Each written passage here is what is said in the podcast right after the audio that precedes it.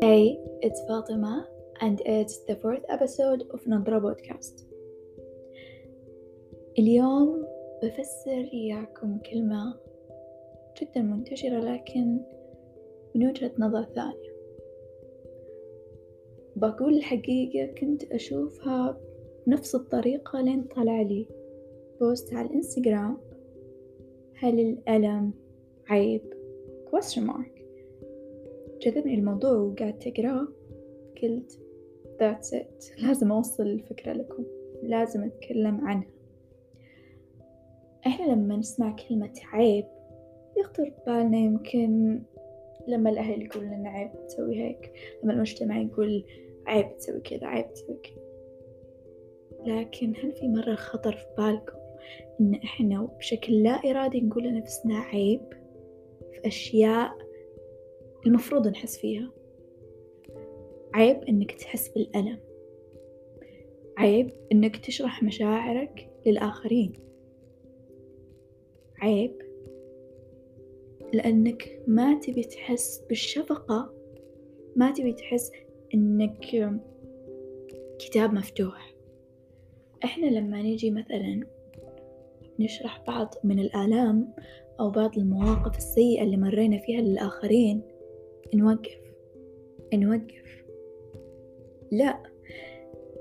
أنا ما يصير أقول لأنه حيحسوا بالشفقة تجاهي. أنا ما يصير أقول لأنه يمكن يمكن يستخدموه ضدي. عيب أنا أبوح بمشاعري لأنه ما يصير.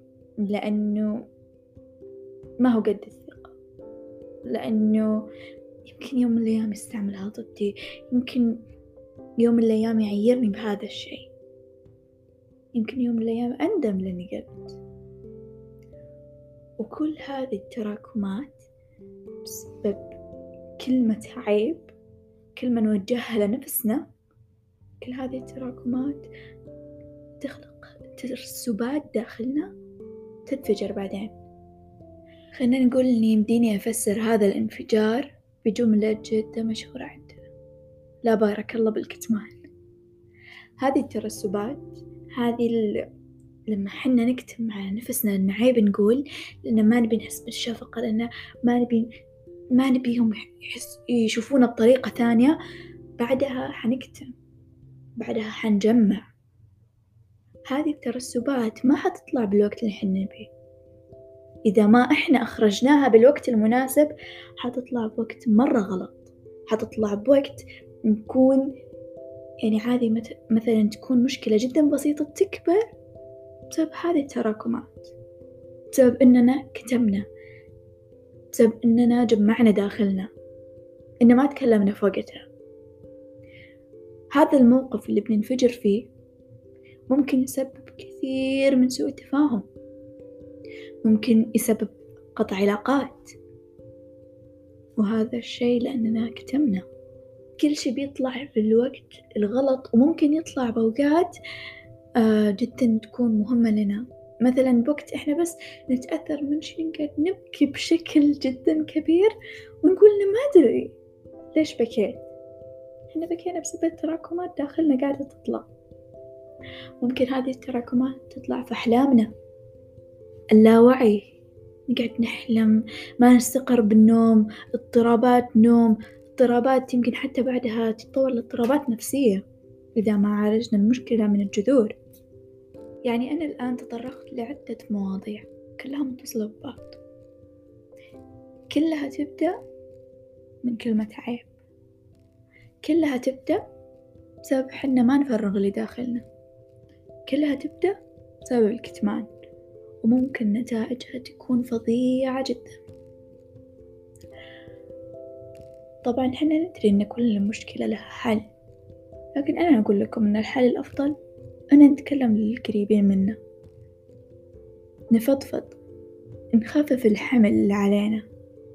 تحس كأن في جبال على كتفك نزلها لا تخليها هناك طويل. بعدين بسبب ألم ظهر. ممكن تكون مزمنة إذا ما كان في شخص موثوق اكتبوا بالدايريز اكتبوا مشاعركم اكتبوا باللي تحسوا فيه حيخفف. تكلموا للجمادات مثلا. الجدار المخدة. مهما كان الموضوع سخيف لكن يخفف. يشيل شوية حمل. هذا اللي نبيه. نشيل القطرة الأخيرة قبل لا تطيح بالكاس. قبل لا يفيض الكاس. هدفنا إنه ما يفيض. نوقف قبل لا تنفقع البالونة. نوقف عشان لا ننفجر إحنا. طبعا تختلف الضغوطات من إنسان لثاني. تختلف المعاناة من إنسان لثاني. لكن طريقة التحكم واحدة.